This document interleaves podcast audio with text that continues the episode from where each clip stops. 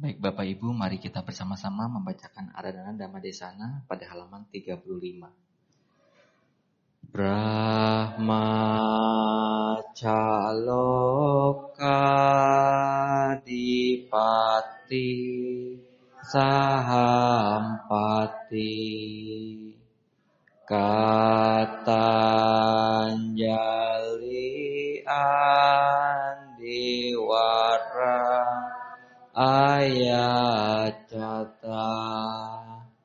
Santi Dasata Paraja Kajatika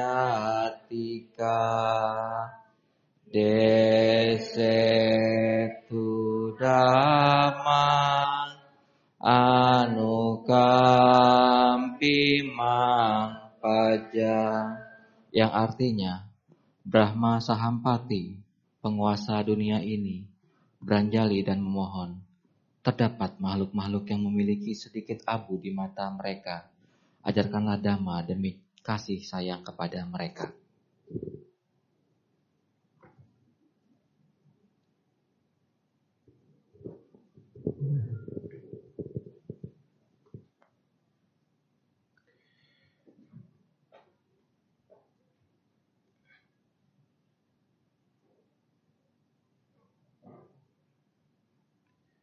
නමෝ තස්ස භගවතෝ අරහතෝ සම්මා සම්බුද්දස්ස. නමෝ තස්ස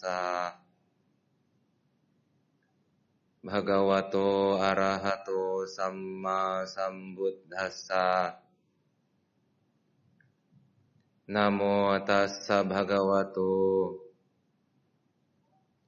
අරහතෝ සම්මා Sambuddhassa Buddhang Dhammang Sanghang Namasami Aparutate Sangamata Sadwara Yeso Tawanta Pamuncantu Sadhang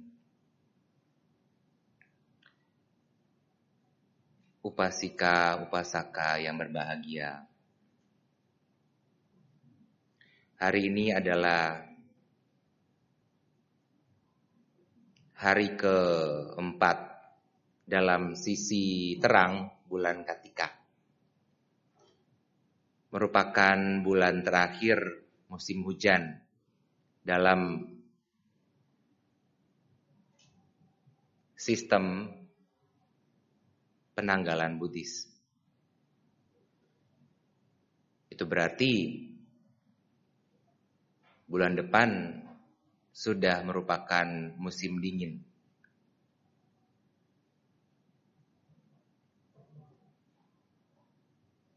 Di dalam kita melihat ketika kita mengunjungi negara-negara yang memiliki tiga atau empat musim, Musim dingin merupakan musim yang menyimpan banyak bahaya ketika kita tidak berhati-hati. Karena sedemikian dinginnya, terlebih lagi ketika seseorang dengan kilah ingin menghangatkan badan lalu mabuk. Ia tidak sadarkan diri, hidungnya bisa patah karena membeku. Tangannya bisa patah, kakinya bisa patah karena membeku, lalu terbentur dan demikianlah seseorang yang tidak waspada.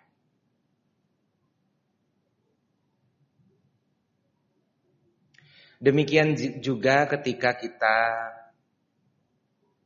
tidak mewaspadai dalam mengenyam hasil dari persentuhan apakah persentuhan terkait dengan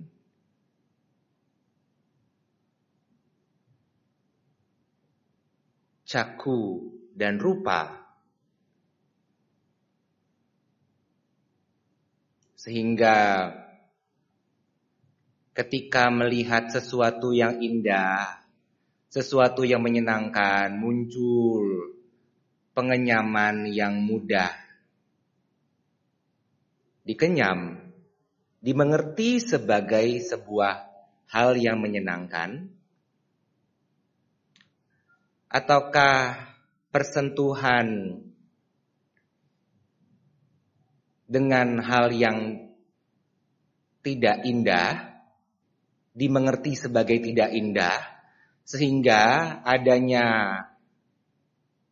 pengenyaman yang sukar dikenyam, yang sukar ditahan dimengerti sebagai pengenyaman atau perasaan yang tidak menyenangkan ataukah pengenyaman yang tidak keduanya, tidak merasakan apa-apa, mengertinya tidak ada pengenyaman, mengertinya biasa-biasa saja. Ketiganya bisa didompleng oleh pengotor batin tanpa kita waspada. Apa sih yang disebut sebagai pengotor batin? Terlebih pengotor batin sang pendompleng atau penguntit.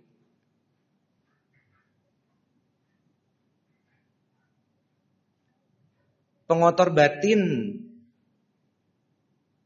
secara umum adalah perihal yang membuat batin kita keruh sehingga tidak bisa mengerti sebagaimana yang semestinya. Mengarahkan kepada hal-hal yang tidak cekatan. Ya sesungguhnya semuanya pengotor batin tetapi dalam pemilahan-pemilahannya ada pengotor batin yang sifatnya mencuat keluar yang dikenal dengan istilah witik kama. Yang keluar melalui ucapan dan tindakan yang didasari oleh keserakahan, didasari oleh kebencian, didasari oleh pandangan keliru. Ucapan-ucapan tidak benar, ucapan-ucapan seloroh, ucapan-ucapan yang menyakiti misalkan atau ucapan yang merembet tidak bermanfaat itu merupakan wujud dari pengotor batin yang mencuat keluar witik kama ataukah perbuatan menyakiti perbuatan yang tidak semestinya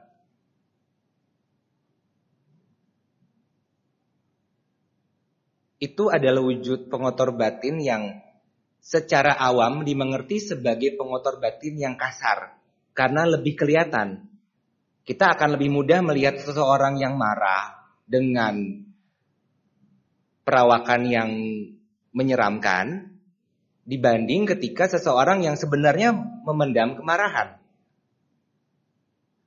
Dua-duanya sama-sama memiliki pengotor batin tetapi Seseorang yang mengeluarkan kemarahannya, tandanya ia tidak memiliki penutupan.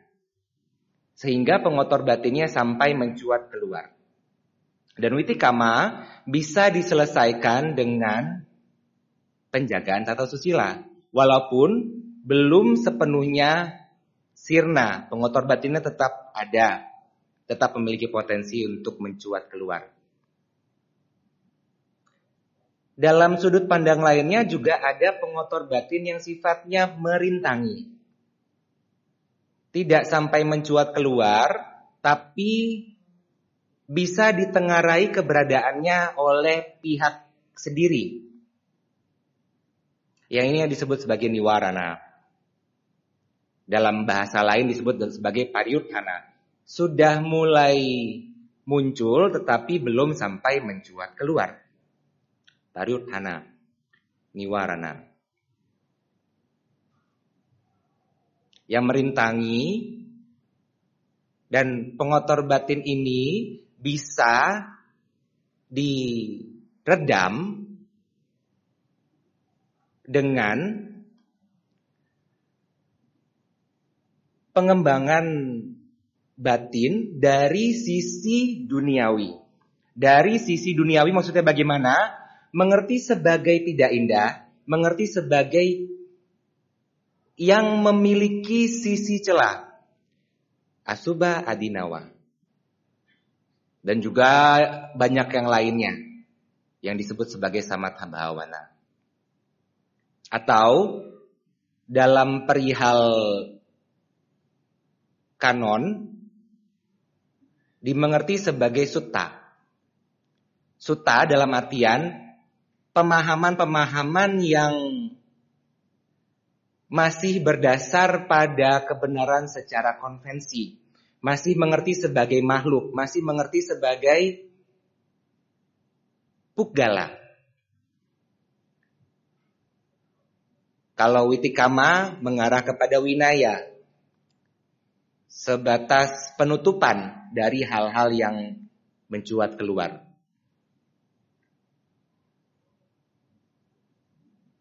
Dan ada pengotor batin juga yang sifatnya adalah mendompleng, mengikuti. Mendompleng apa? Mengikuti apa? Pengenyaman sebagaimana yang sudah diutarakan tadi. Mendompleng mengikuti ini disebut sebagai anusaya. Satu-satunya cara untuk kita bisa menumpas anusaya adalah dengan bisa mengerti secara wipasana. Ya atau dalam bahasa lainnya mengerti abidhamma. Tetapi perlu kita jelas dalam abidhamma di sini maksudnya adalah abidhamma adalah dharma yang langsung pada kebenaran harfiah. Abidhamma itu maksudnya abi satu. Peristilahan yang gamblang, peristilahan yang jelas tidak menyebut sebagai makhluk tetapi gugusan karena memang gugusan. Tetapi jangan sampai dimengerti bahwa gugusan itu adalah entitas. Itu juga merupakan pandangan keliru. Gugusan yang sebagaimana gugusan sebuah keberadaan yang tidak beri, tidak bisa berdiri terpisah. Lima gugusan bukan berarti ada lima hal menjadi satu gugusan. Lima itu adalah masing-masing merupakan gugusan. Yang sifatnya adalah hampa dari inti. Kosong dari esensi. Mengerti demikian bisa sepenuhnya menanggulangi anusaya. Apa yang disebut sebagai anusaya dan bagaimana ia bisa mendompleng? Ketika kita mengenyam atau merasakan perasaan yang menyenangkan, kita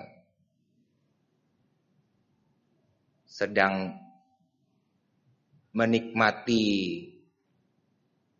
siobak misalnya, sedang menikmati apa babi hong atau apalah makanan menyenangkan.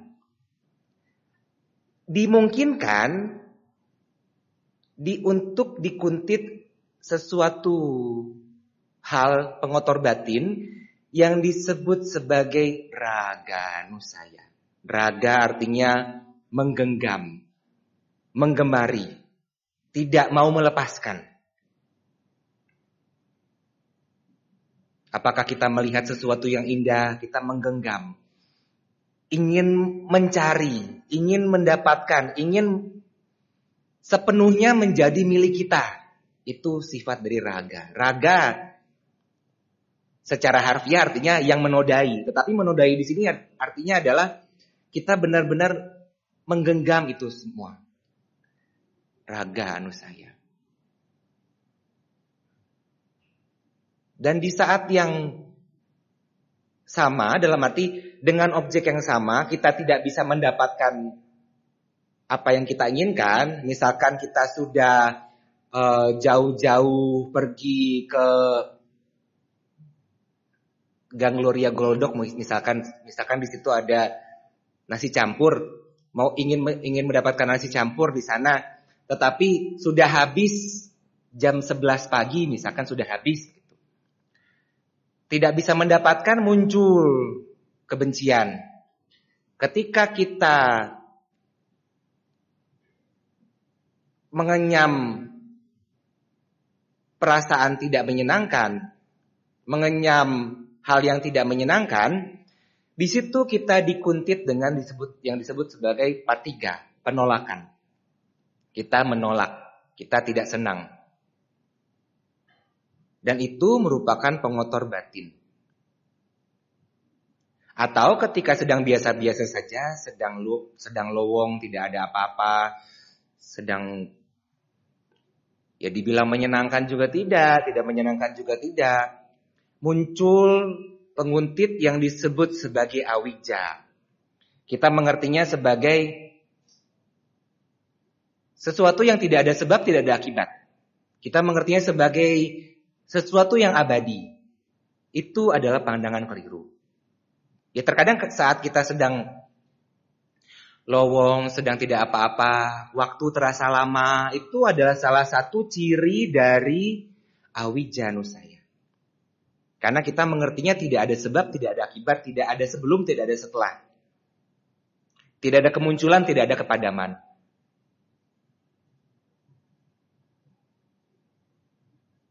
Dan terlebih lagi, anu saya ini bisa berkembang menjadi tujuh, tidak hanya tiga.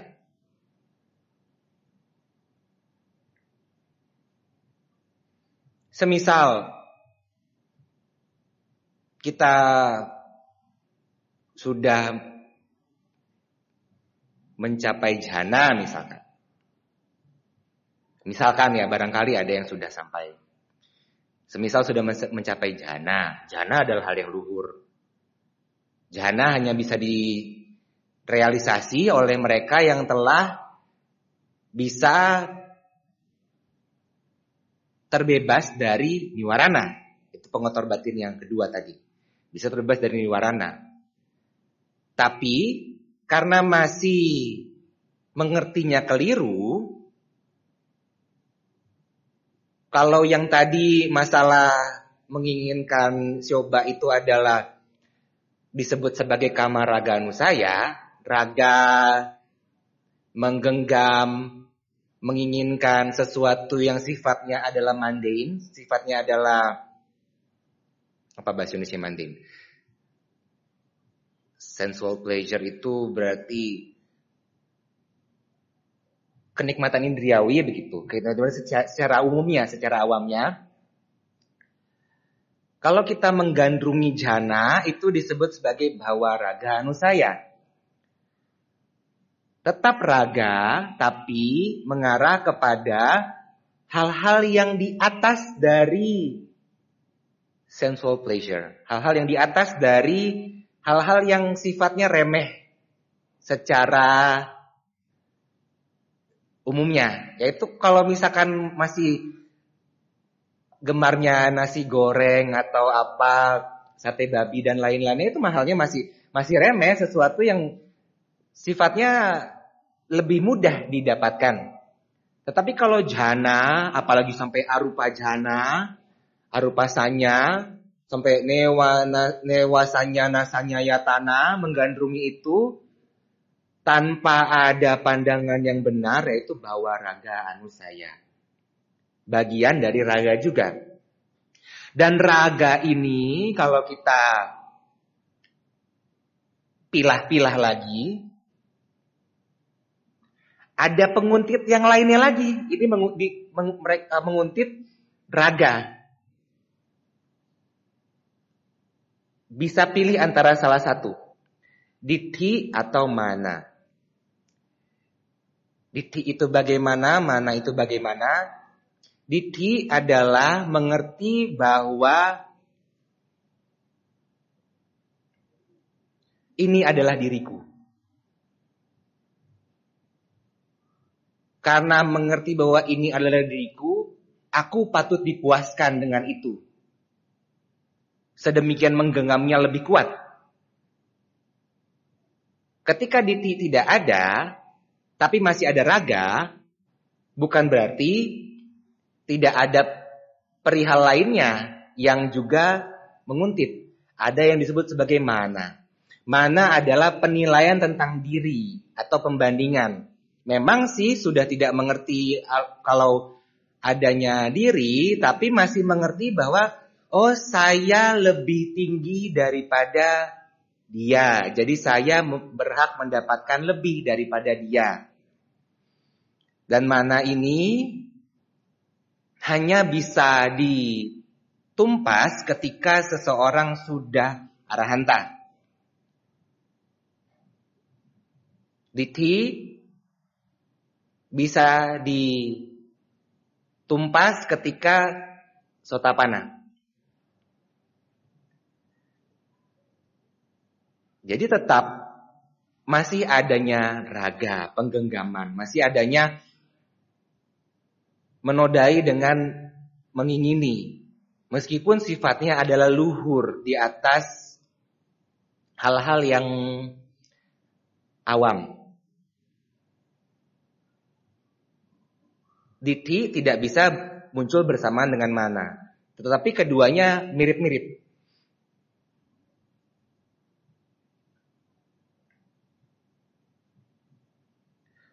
Lalu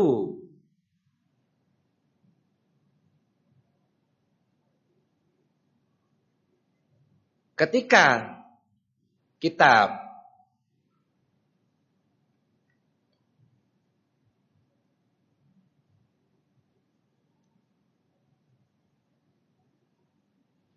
memunculkan atau dikuntit oleh Awija, ada kemungkinan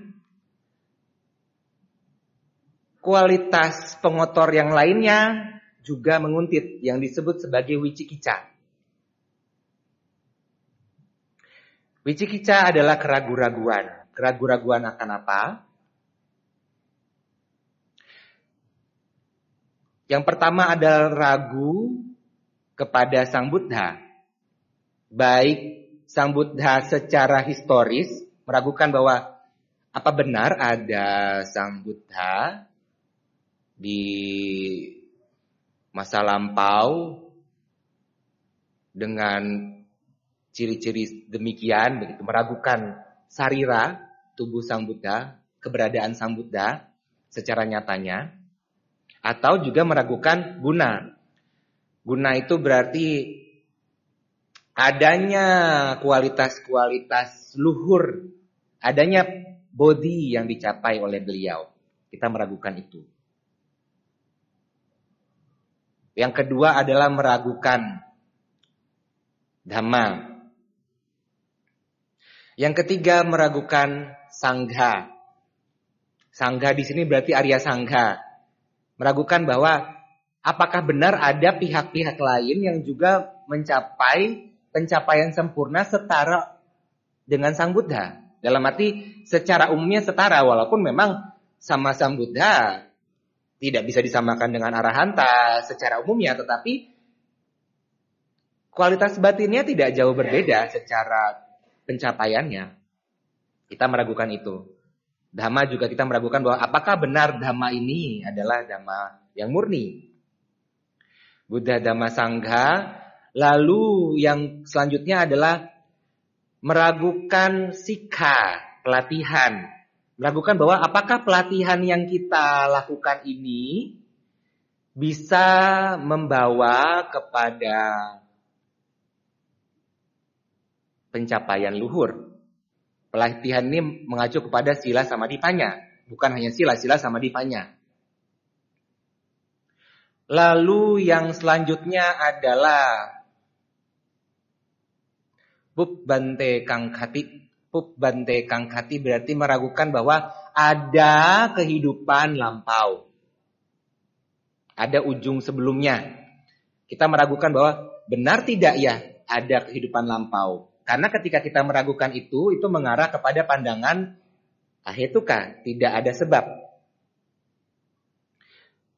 Selanjutnya meragukan bahwa aparante kangkati, ada tidak ya kehidupan yang akan datang, itu mengarah kepada akhirnya menganggap bahwa tidak ada akibat, tidak ada perbuatan gitu misalkan. Secara umumnya, tidak ada perbuatan. Ya karena berpikir bahwa tidak ada yang melakukan dalam arti tidak ada subjek melakukan menganggap tidak ada perbuatan. Yang sesungguhnya perbuatan tetap ada. Meragukan adanya akibat adanya kehidupan yang akan datang lalu yang selanjutnya adalah bukban taparante kangkati meragukan saat ini secara umum meragukan bahwa jangan-jangan ini semua adalah ilusi Menganggap kosong. Kosong dalam artian tidak ada sebab, tidak ada akibat. Jangan-jangan ya ini semua omong kosong. Ya itu berbahaya sekali karena menganggap bahwa tidak ada praktik dharma. Yang disebut sebagai anata ya bukan demikian. Yang disebut sebagai anata memang kosong dari entitas tetapi bukan berarti tidak ada perbuatan, bukan berarti tidak ada akibat dari perbuatan. Dan karena meragukan itu, maka yang selanjutnya, yang kedelapan adalah meragukan paticca samupada. Meragukan kemunculan bersebab. Meragukan bahwa adanya kemunculan, adanya kepadaman. Bahwa meragukan bahwa imas mingsati idang hoti imasa upada idang upajati. Bahwa karena ini muncul, ini muncul. Ini kemunculan ini menyebabkan kemunculan ini. Dan demikian juga kebalikannya. Ketika ini redam, itu juga redam. Itu sifat dari paticca. Kemunculan segala kemunculan itu ada sebab. Sehingga tidak ada kemunculan yang tunggal. Dan ketika meragukan itu, ya seseorang juga akan berpikir bahwa yang disebut sebagai dhamma itu dianggap sebagai bukan kebenaran karena meragu-ragukan sehingga mengarah kepada awija. Karena ketika sedang kita mengenyam sesuatu yang sukar dalam arti yang sukar ditengarai keberadaannya itu apakah menyenangkan atau tidak menyenangkan. Ya misalkan dalam suatu keheningan yang panjang, ya misalkan ketika sedang dalam kondisi meditatif yang demikian, tanpa ada pandangan yang benar, semuanya terasa datar, tidak ada perasaan menyenangkan, tidak ada perasaan yang tidak menyenangkan, menganggap bahwa oh tidak ada sebab, tidak ada akibat. Dan ini ketika kita tidak mewaspadai, baik itu penguntit yang sifatnya raga, atau penguntit yang sifatnya patiga, atau penguntit yang sifatnya awija, dengan berbagai macam turunannya, yang di total menjadi ada tujuh, Ya sebenarnya kalau di total lagi bisa lebih banyak lagi, tetapi secara umum bisa dibagi menjadi tujuh. Kita sukar untuk bisa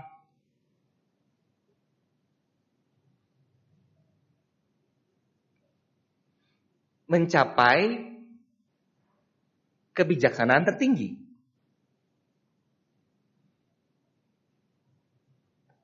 Dan sebaliknya, anu saya ini juga hanya bisa ditumpas dengan kebijaksanaan, dengan panya. Panya diumpamakan seperti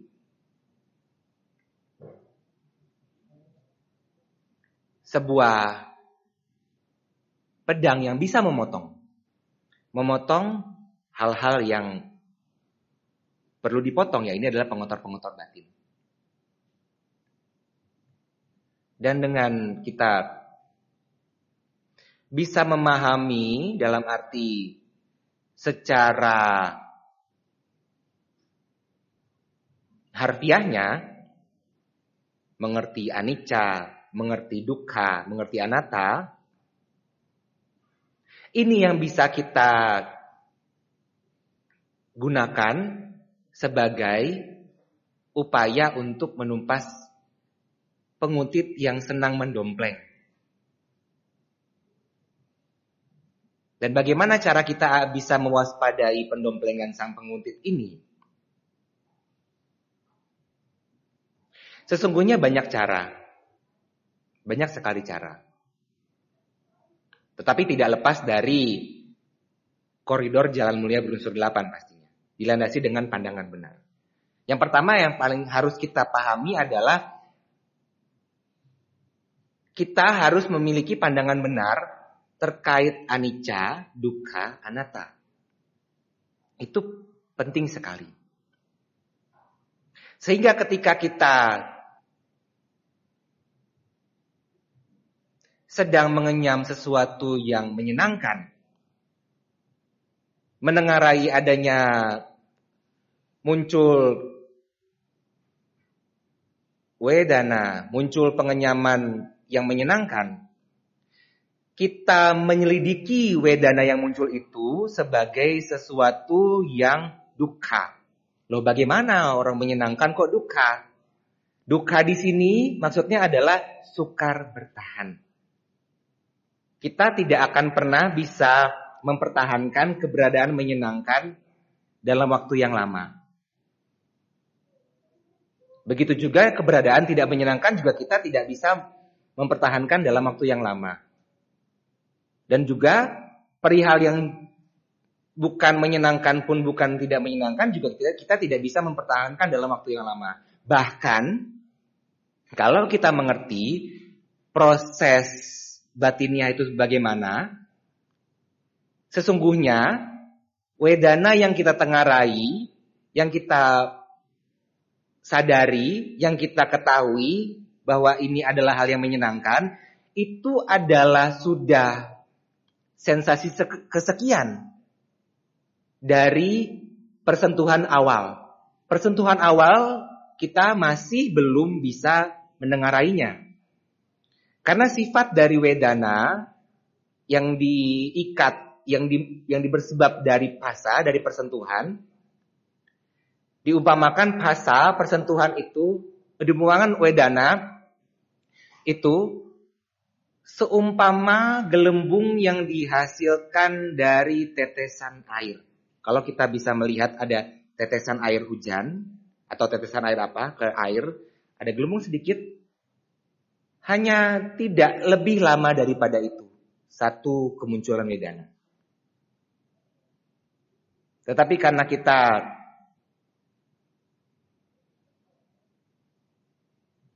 masih memiliki tanha yang juga muncul dari wedana, kita menggandrungi wedana, kita menggandrungi hal yang demikian, yang sesungguhnya juga hal yang sukar dikenyam, hal yang tidak menyenangkan juga sebenarnya kalau kita jur kita menggandrunginya. Apa buktinya kita menggandrunginya? Kalau misalkan kita sudah disakiti seseorang, kita akan ingat-ingat sampai entah kapan. Itu adalah wujud dari kita menggandrunginya. Dan dengan kita mengetahui secara utuh bahwa itu adalah perihal yang duka, sukar bertahan, setiap muncul apa pun wedana, menyenangkan, tidak menyenangkan, ataupun yang biasa-biasa saja, kita berusaha untuk menyelidikinya sebagai sesuatu yang sukar bertahan. Dan ini memang bukan pelatihan yang sederhana. Secara teorinya, oh kita menyelidiknya dengan, oh ini adalah duka. Secara praktiknya, ya menjadi duka juga. Karena ketika kita terbiasa melatih batin kita, semakin lama, semakin kita mudah untuk menengarai munculnya pengotor batin dan menyadari bahwa diri kita sesungguhnya masih penuh pengotor batin, yaitu juga bisa memunculkan pengotor batin lainnya. Bisa memunculkan patiga yang lainnya. Karena kita masih belum sepenuhnya tuntas. Tetapi sudah bisa mendengarainya. Inilah pentingnya kita melatih penumpasan anusaya sejak awal dengan vipassana, dengan mengerti abidama secara benarnya, bukan sebatas teorinya, mengerti abidama untuk praktiknya, bukan sebatas menghafal cita, menghafal cetasika, menghafal kalimat-kalimat abidama, tetapi memahami penuh apa yang dimaksud apa yang dimaksud dengan abidama, yaitu adalah dharma-dharma yang maknanya secara langsung. Tidak lagi bias. Ya, seperti ketika kita menyebut air, kita menyebut H2O, itu adalah makna secara langsung secara ilmiahnya.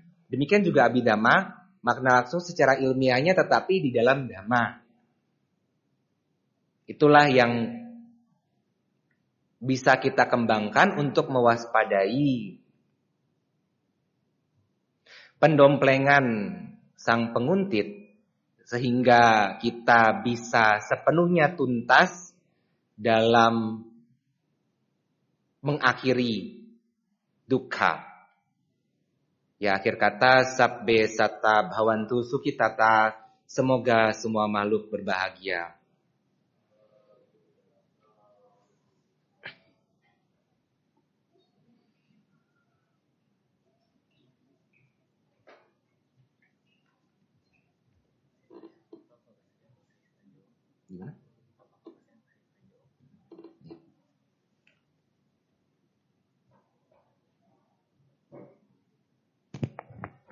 Baiklah, uh, Bante membuka kesempatan untuk sesi tanya jawab.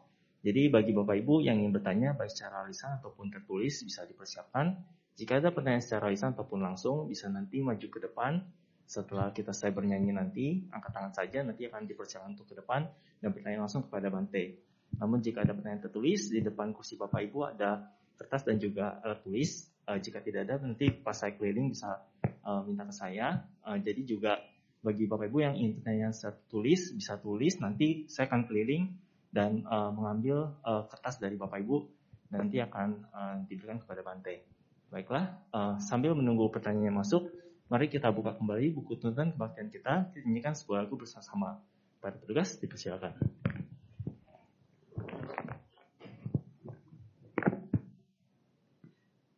Mari bersama-sama kita buka buku penuntun kebaktian pada halaman 67. Kita nyanyikan lagu Bijaksanalah.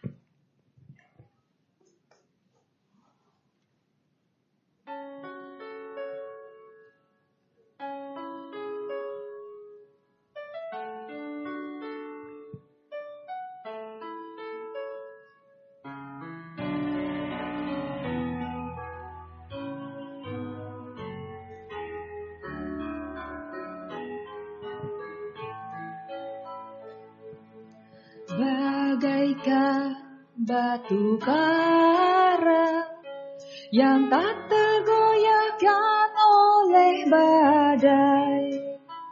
Demikianlah para bijaksana takkan terpengaruh teladan puja awija sumber penderitaan oleh pujianku terlena oleh telaan sakit hatiku.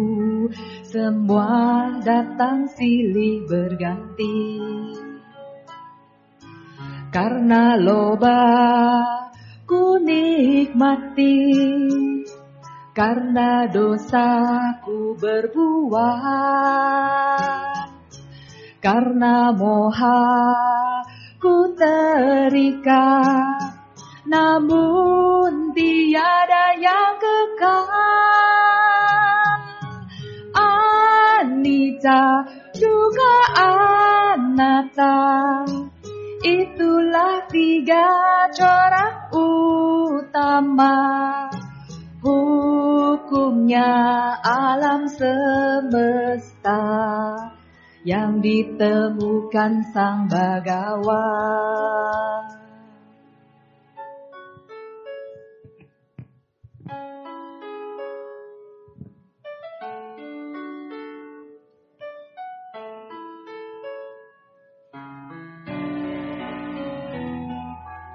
Kita kembali ke bait kedua dari Awija.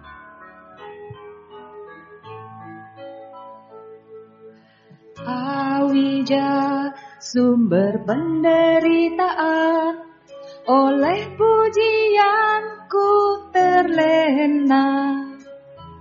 Oleh celaan sakit hatiku semua datang silih berganti. Karena loba ku nikmati Karena dosaku berbuah Karena moha ku terikat Namun tiada yang kekal.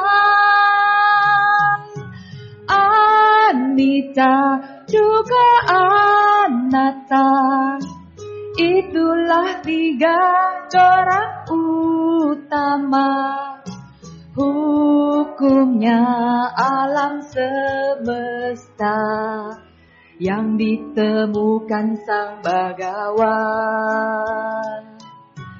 Anita duka anata Itulah tiga corak utama.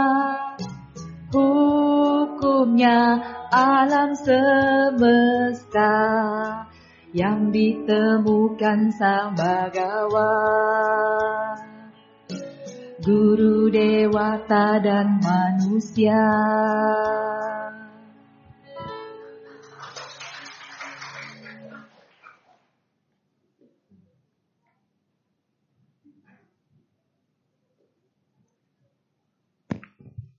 Baiklah, kita kini masih saya jawab. Apakah ada Bapak Ibu yang ingin bertanya secara lisan terlebih dahulu? Yang ingin bertanya secara langsung, boleh silakan uh, angkat tangan saja. Apakah ada? Atau mungkin tadi ada pertanyaan tertulis yang saya lewatkan, uh, boleh angkat kertasnya. Uh, tidak ada. Uh, sekali lagi, apakah ada yang ingin bertanya secara langsung? Angkat tangan saja. Belum ya, oke. Okay. Uh, Bante, kalau gitu boleh nggak saya yang tanya Bante? Izin. Terima kasih Bante. Uh, Bante, jadi uh, ya tuh udah Bante. Jadi uh, menarik sekali benar uh, topik yang Bante sampaikan hari ini ya. Jadi saya sampai berpikir gitu kalau misalnya seandainya uh, kita melalui segala fenomena setiap detiknya itu tanpa kita sadari seperti itu dan tanpa sadar pun itu bahkan uh, sadar tidak sadar bahkan bisa munculkan karma buruk secara tidak langsung Bante. Jadi hmm, seperti halnya ketika fenomena-fenomena tersebut muncul, apa uh, yang selayaknya uh, kita lakukan Bante dalam pikiran gitu? Apakah setiap uh, fenomena yang kita alami baik itu yang menyenangkan atau tidak menyenangkan, kita saring dulu gitu Bante. Jadi uh, selama ini kayak saya gitu yang mengalami juga uh, kita mengalami fenomena dan kita ibaratnya uh, merasakan ibaratnya uh, seperti terbawa arus gitu Bante tanpa menyadari fenomena tersebut gitu kan. Nah, jadi apakah se, uh, sebetulnya ketika fenomena itu muncul itu selayaknya selalu kita sadari oh ini menyenangkannya akan berlalu gitu. Ini menderitanya akan berlalu. Apakah bagus seperti itu atau ataupun biarkan mengalir seperti itu aja itu apakah sudah benar gitu Bante atau harus selalu kita pikirkan gitu kan kita sadarin kita sadarin gitu nah yang bagus itu seperti apa Bante Uh, itu yang pertama. Uh, terus kedua Bante, uh, ketika kita mengalami fenomena yang tadi Bante seperti uh, bilang yang kayak seorang ada uh, yang memiliki suatu kemarahan. Kemudian ada yang kemarahan itu sampai muncul keluar. Lalu ada lagi yang kemarahannya tidak sampai muncul keluar. Nah, jika seseorang yang ingin melatih dirinya, kemudian uh, dua ya Bante ya. Uh, pertama orang yang uh, selalu ibaratnya marah dan juga mengeluarkan kemarahan tersebut dan juga yang kedua orang yang marah tapi memendamnya tidak sampai mengeluarkannya. Tentunya kedua ini kan uh, termasuk karma buruk juga Bante ya. Kalau misalnya yang pertama ibaratnya sudah dari uh, pikiran marah gitu, kemudian mengeluarkannya, lalu ada dampak yang langsung gitu yang, yang uh, karma buruk yang terjadi. Kemudian yang satu lagi yang marah tapi ibaratnya nggak sampai keluar, itu setidaknya udah dalam pikiran itu udah uh, membuat karma buruk ya Bante ya. Jadi latihan seperti apa yang paling cocok uh, untuk kedua tipe ini Bante? Pertama, marah yang sampai dikeluarkan dan juga kedua marah yang tidak uh, sampai dikeluarkan, yang dipendam. Memang benar, maksudnya kalau dibandingkan, memang lebih baik yang kedua. Cuman kalau misalnya seandainya lebih baik, ya tidak sama sekali marah gitu kan. Kalau misalnya dengan metode meditasi, meditasi jenis apa yang paling cocok untuk yang pertama yang marah sampai keluar dan juga meditasi yang uh, marahnya dipendam terus gitu. Apakah jenis uh, apa meditasinya itu berbeda atau sama gitu Bante? Seperti tadi kan ada uh, disinggung asuba gitu ya Banda itu apakah uh, salah satu objeknya itu asuba uh, bagus gitu untuk maksudnya meminimalisir ketika kemarahan terjadi gitu kan sehingga segera mungkin uh, fenomena yang terjadi yang cenderung membuat marah tidak sampai membuat marah gitu. Nah terus yang ketiga, hmm, gini Bante. ya, Ya bisa satu-satu aja. Ayo, satu-satu aja. baik, baik. Gak perlu sampai nanti 15 itu susah jadi. Ya. Baik, baik Bante. Ya. Uh, silakan Bante. Iya. Terima kasih Bante. Yang pertama, yang pastinya praktik dhamma itu harus ada kebijaksanaan. Jadi tidak bisa dibiar mengalir saja, tidak ada istilah dibiar mengalir saja. Kalaupun memang ada istilah bear awareness atau bagaimana yang dimaksud sebagai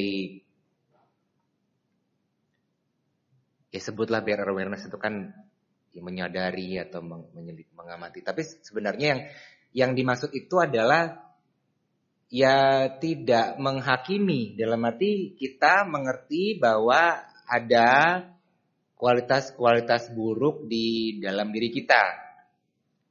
Kita Idealnya adalah ketika kualitas buruk itu muncul, kita selidiki, selidikinya itu bagaimana. Kualitas buruk itu ya salah satu perihal juga. Segala perihal itu anata. Kita mengerti itu sebagai anata, kita nggak tidak perlu mengenggam itu. Ya dia kita lihat dari sisi anatanya, dengan kita melatih terus itu, setiap ada kualitas buruk yang muncul, kita melihat dari sisi anata. Ini salah satunya ya, salah satunya kita melihat dari sisi anatanya. Kalau mengarah ke wipasana gitu misalkan, ya kita terlatih untuk tidak memunculkan kualitas buruk dan kita mengerti anata. Setidaknya kita melat itu salah satu pelatihan. Atau juga dalam hal lain ketika kita belum mantap dalam pemahaman wipasana, Ya, kita ini juga mengacu kepada yang kedua, ketika marah itu kita ada empat penimbangan. Empat penimbangan yang bisa kita munculkan dalam setiap kita ingin melakukan sesuatu, dalam setiap kita berpikir sesuatu, apa pun itu. Pertama, apakah hal itu adalah hal yang bermanfaat? Hal yang bermanfaat itu maksudnya apa? Kira-kira kalau misalkan kita terasosiasi dengan hal, hal itu, ada tidak manfaat yang kita dapat peroleh untuk dalam hal praktik dhamma? Ada tidak manfaat untuk pihak lain yang dapat peroleh untuk dalam praktik dhamma? Lalu pertimbangan kedua adalah, ya ini misalkan untuk sebuah tindakan sebuah tindakan ataukah pemikiran yang kita munculkan Misalkan itu bermanfaat. Tetapi kira-kira sesuai tidak waktu dan tempatnya. Dan berarti kan ketika kita misalkan muncul pemikiran untuk menginginkan sesuatu hal secara dhamma mungkin memang itu bukan hal yang bertentangan. Misalkan muncul keinginan untuk memiliki rumah misalkan. Itu kan juga muncul juga kan keinginan itu juga juga fenomena juga. Itu adalah suatu yang ya tidak bertentangan, tapi kira-kira waktunya cukup apa sesuai tidak? Tempatnya sesuai tidak? Itu penimbangan kedua. Penimbangan ketiga, apakah kita memiliki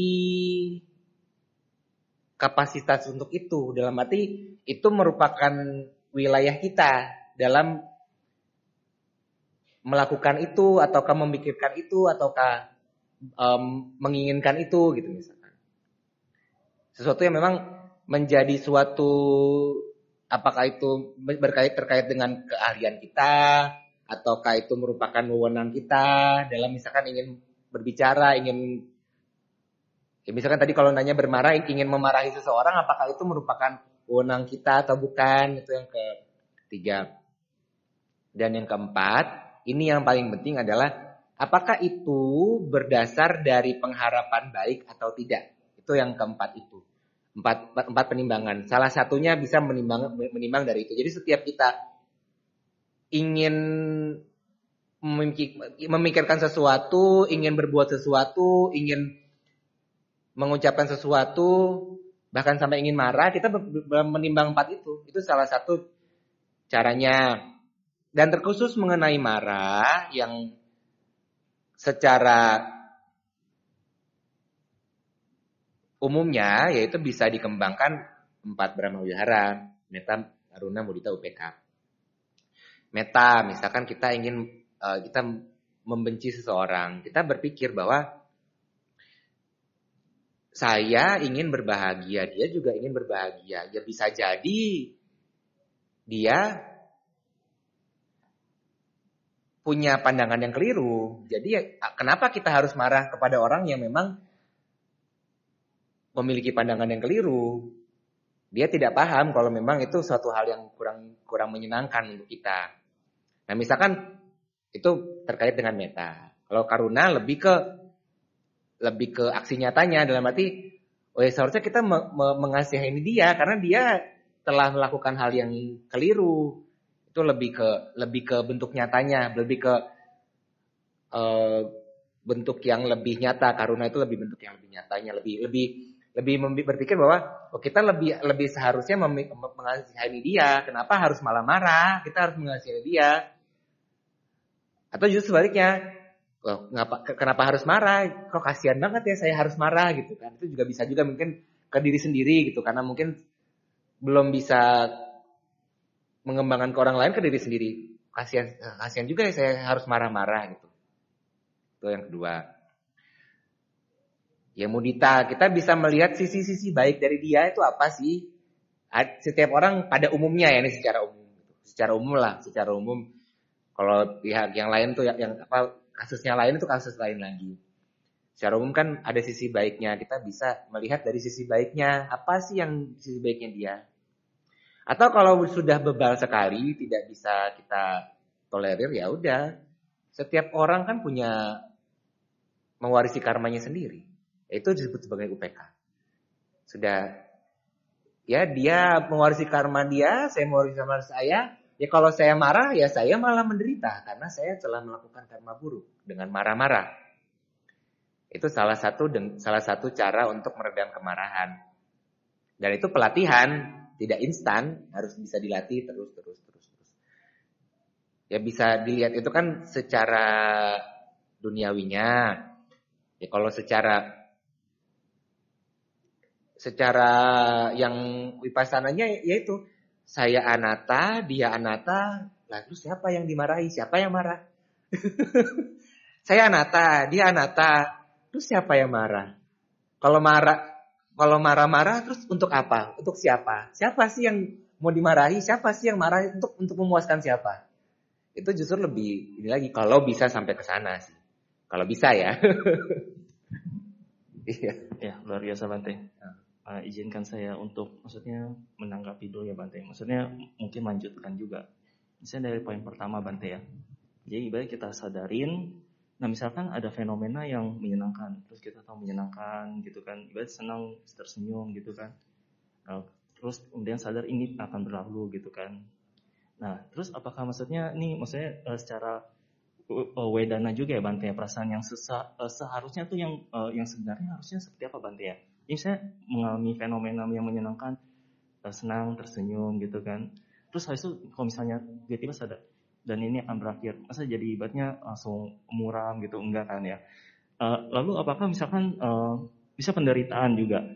Uh, dan ini juga akan berakhir. Jadi kita tersenyum. Jadi uh, kayak kita bersikap itu ketika uh, menganalisa fenomena gitu kan itu sikap yang muncul seharusnya yang benar itu seperti apa ya Bante? Apakah misalnya oke okay, nggak? Misalnya uh, senang ataupun tidak gitu tetap misalnya tersenyum itu kayak maksudnya bener nggak gitu kalau misalnya dalam Buddhis gitu kan? Ekspresi yang muncul selalu seperti termasuk dalam penderitaan ketika eh, penderita kita sadar ini akan berlalu lalu tetap masih bisa tersenyum gitu. Wajar nggak gitu bagi Bante ya misalnya kayak misalnya kita kan uh, sebagai Buddhis kan uh, diajarkan misalnya harus realistis gitu. Jadi memandang hidup tidak selamanya uh, apa ya uh, men, uh, apa menyenangkan dan tidak selamanya menderita gitu. Jadi realistis jadi kayak kayak orang yang maksudnya benar-benar yang pelatihannya sudah bagus, apakah kayak misalnya ketemu hal menyenangkan, ekspresinya datar, e, menderita datar juga, atau oke, okay, maksudnya fine-fine aja kalau menderita ataupun tidak, ya tetap tersenyum itu sah-sah saja nggak? Terutama misalkan yang satu dipaksa, satu lagi maksudnya uh, kalau misalnya emang udah uh, secara alamnya muncul, apakah itu wajar dan benar nggak Bante? Misalnya ma, uh, misalnya menderita ataupun tidak gitu kan tetap selalu tersenyum itu benar nggak Bante? Kayak gitu sebenarnya. Ya bukan benar atau tidak itu hal yang ya terjadi alamiah saja. Tapi sebenarnya begini. Yang sebenarnya adalah ya bisa mengerti sebagaimana adanya. Memang hal yang menyenangkan memang hal menyenangkan itu harus bisa dipahami sebagai hal yang menyenangkan tetapi kita tidak menggandrungi hal yang menyenangkan itu. Demikian juga penderitaan itu penderitaan. Kalau mengerti penderitaan sebagai hal yang menyenangkan itu malah lebih lebih lebih lebih ini tidak bisa melihat penderitaan sebagai penderitaan itu malah malah lebih lebih nanti menggandrungi penderitaan. yang justru kalau kita mengerti hal yang men, hal yang tidak menyenangkan sebagai tidak menyenangkan, mengerti kita mengetahui bagaimana menanggulanginya, bukan berarti kita oh dibiarkan saja nanti juga berlalu. Nanti oh sakit juga berlalu, nanti oh saya sakit juga berlalu, dibiarkan aja nggak usah minum obat. Ya, itu juga salah jadinya. Harus mengerti bahwa menyenangkan tidak menyenangkan atau yang itu itu semua ya kebenaran juga, menyenangkan tidak menyenangkan meskipun itu kebenaran dari sisi duniawinya. Kalau misalkan dari sisi yang melampaui duniawi, ya menyenangkan tidak menyenangkan atau yang biasa-biasa saja itu ya semuanya kesepakatan. Apa sih yang menyenangkan kalau memang itu sifatnya adalah sukar bertahan? Apa sih yang tidak menyenangkan kalau itu sukar bertahan juga? Apa sih yang tidak yang biasa-biasa saja kalau itu sukar bertahan juga? Mengerti itu sebagai sesuatu yang menyenangkan tetapi tidak tergandrungi, tidak menginginkan itu sehingga ketika terlepas kita bisa menerimanya, itu yang yang dimaksud sebagai seseorang yang sudah berkembang dan mengerti itu sebagai hal yang tidak menyenangkan. Dalam arti begini, Sang Buddha sekalipun ya meskipun secara batiniah beliau tidak lagi menderita, beliau masih me merasakan sakit secara fisik. Dan beliau mengerti sakit secara fisik, tidak memaksakan diri ketika misalkan beliau sedang merasakan sakit, lalu memaksakan diri untuk tetap menyambut tamu misalkan. Ya dalam beberapa suta kita melihat kita bisa mengetahui ketika di akhir-akhir kehidupan beliau, beliau sering meminta tolong kepada Hyundai Sariputta misalkan untuk menggantikan beliau. Itu karena beliau sepenuhnya mengerti bahwa memang sakit itu adalah sesuatu yang alamiah, bukan untuk ditolak. Itu adalah sesuatu yang alamiah, menerimanya, tidak menolaknya. Tidak menolak itu berarti juga tidak pura-pura pura-pura tidak sakit, tapi tidak juga bermanja-manja dengan sakitnya. Jadi benar-benar mengetahui apa yang tepat untuk dilakukan. Itu ciri dari orang yang tidak lagi tergandrungi adalah hal yang menyenangkan, hal yang tidak menyenangkan, hal yang ya di, di luar dari itu semua dimengerti sebagaimana adanya. Dimengerti bahwa ya itu adalah fenomena. Dan itu memang benar menyenangkan, memang benar tidak menyenangkan, memang benar biasa-biasa saja. Dan bukan lagi dianalisis oh ini akan berlalu oh ini itu itu kan hanya pelatihan awalnya tapi ketika kita sudah benar-benar mengerti mengetahui ciri spesifiknya dalam arti hal ini adalah semua itu adalah anicca dukkha anatta ya sudah tidak lagi perlu melebeli yaitu sebatas sebatas oh ini memang hal yang yang demikian ya sepatutnya kita harus mengimbanginya dengan demikian. Itu yang yang yang sebenarnya ciri dari mereka yang sudah benar-benar mengerti. Tidak lagi muncul tanha tidak lagi muncul kegandrungan. Baik itu menyenangkan tidak menyenangkan. Benar-benar mengerti sepenuhnya. Jadi ya akan sangat ya kalau bisa disebut normal akan sangat normal sekali. Tidak tidak di luar dari kehidupan manusia pada umumnya. Secara batiniah sudah benar-benar mengerti, tapi secara secara kehidupan ya bisa menjadi sebagaimana manusia pada umumnya. Dalam arti bisa paham kapan kita harus kapan harus menggunakan harus uh, mengerti secara bahasa umum dan mengerti secara bahasa yang memang melampaui hal-hal yang umum gitu. Misalkan ya ini untuk yang hal lain juga gitu. Misalkan meskipun Sang Buddha mengerti anatta gitu, tidak ada diri, tapi beliau masih menggunakan istilah saya gitu. Masih menggunakan istilah kalian.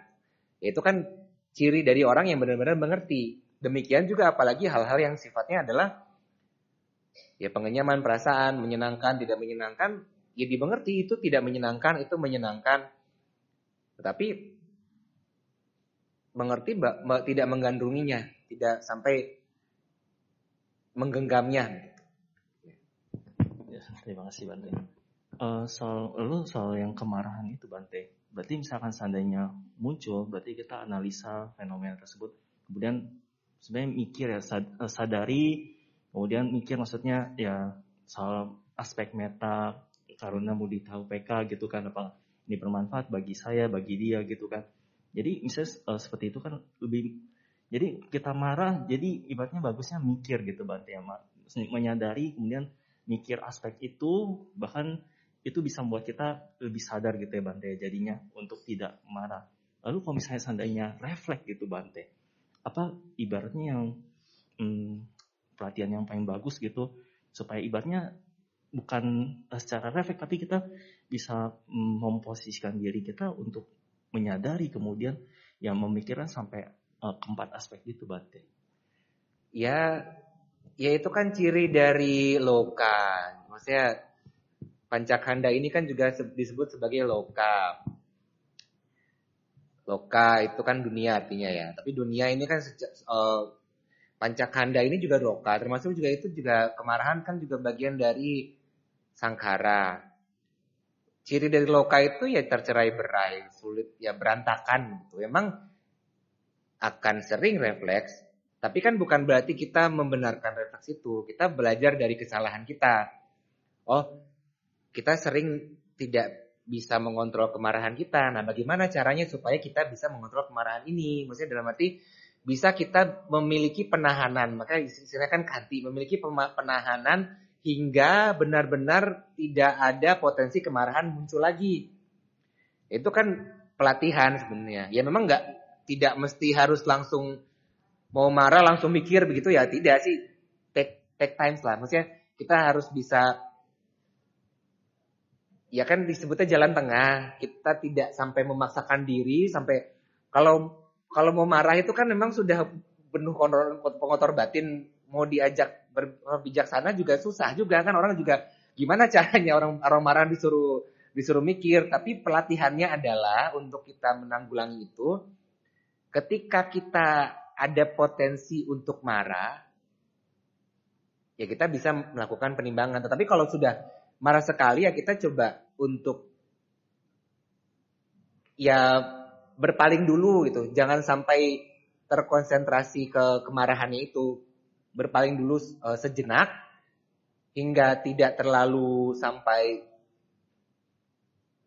ini terlalu sampai um, ingin mencuat keluar sampai agak redam sedikit, kita bisa mengunculkan kebijaksanaan itu juga bisa. Misalkan kan kalau orang yang belum terlatih kan sulit untuk mengontrol itu. Kadang suka sulit begitu ingin marah, tiba-tiba ingin bacok gitu kan, ingin ingin ingin ambil apa gitu kan, ingin, ingin marah itu sambil apa misalkan di situ ada tempat pensil dilempar gitu kan misalkan atau apa langsung orangnya dilempar gitu misalkan begitu kan bisa jadi itu kan karena memang sudah tidak ter, tidak terpendam lagi. Ya itu kan karena tidak terlatih sebenarnya. Tapi kan kalau sudah terbiasa melatih diri sudah tahu nah itu pentingnya tahu diri. Tahu tahu atanyuta tahu diri dalam arti kita tahu kualitas kita tuh sampai di mana gitu.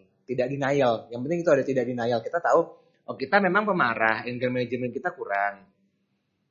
Dan kita kan ketika kita sudah bisa mengenal diri kita sendiri kita kan tahu kapan kita berpotensi untuk marah. Nah, ketika kita berpotensi untuk marah itu kita merenungkan lagi. Tapi jangan sampai ketika udah benar-benar mau marah, terus merenung itu malah jadi marah kacau. Itu juga kacau. Ya kalau memang udah tidak tertahankan ya kita bisa ada istilahnya ini tidak memperhatikan gitu, tidak meng, tidak mengingat-ingat. Jadi kalau merujuk kepada kepada Witaka Santana Sutta, Witaka Santana Sutta kalau tidak keliru. Ketika memang itu pemikiran buruk muncul, ya kita bisa memalingkan uh, perhatian kita. Ya misalkan ketika kita berhadapan dengan orang yang yang kita kurang suka, ya jangan kita malah dekat-dekat dia terus-terusan. Itu ya kita kita bisa memaling uh, kita menjaga jarak dulu, menjaga jarak dulu. Tidak masalah kok itu kan kita ya kita kan juga untuk kebaikan kita untuk kebaikan dia juga bukan berarti kita mengacukan, justru menjaga jarak adalah untuk bisa melihat bahwa ada sisi baik juga kok dari orang itu, jangan tidak sebaiknya kita memarahi dia. Dan kalaupun dia memang sepenuhnya buruk, ya untuk apa kita memarahi orang yang ya kan kalau orang buruk kan istilah damanya orang dungu, ngapain kita marahin orang dungu? Siapa yang dungu jadinya? Itu kan sebenarnya bisa begitu. Soalnya kan kita kasihan dia tidak paham, kita anggaplah lebih paham, Terus kenapa kita harus marah-marah? Itu salah satu caranya. Itu pelatihan sih, pelatihan itu ya tidak instan, tidak bisa langsung kayak oh ini ketika kita mau marah langsung merenungkan meta gitu. Terus langsung tidak marah ya tidak bisa juga, tidak mungkin bisa itu orang ya apa menjadi sama-sama Buddha aja membutuhkan sekian kehidupan masa kita mau itu langsung instan kan tidak bisa. Itu jadi kita banyak-banyak membekali diri dengan pemahaman dhamma dan kita menggunakan pemahaman dhamma itu sebagai bahan untuk kita bisa mengoreksi diri kita sendiri. Itu sebenarnya sih yang paling penting. Terima kasih Bante. Uh, apakah ada Bapak Ibu yang ingin bertanya lagi? Uh, tidak ada? Baiklah. Uh, demikianlah uh, sesi uh, Dhamma Desa juga tanya jawab uh, dengan Bante uh, Tita Sado. Uh, Bante, kami segenap pengurus dan juga umat biar kita masukan mengucapkan anumodana. Terima kasih atas Dhamma Desa yang telah disampaikan. Ya, uh, mari kita bangkit berdiri dalam sekali anjali yang mulai Bante akan meninggalkan Dhamma Salah.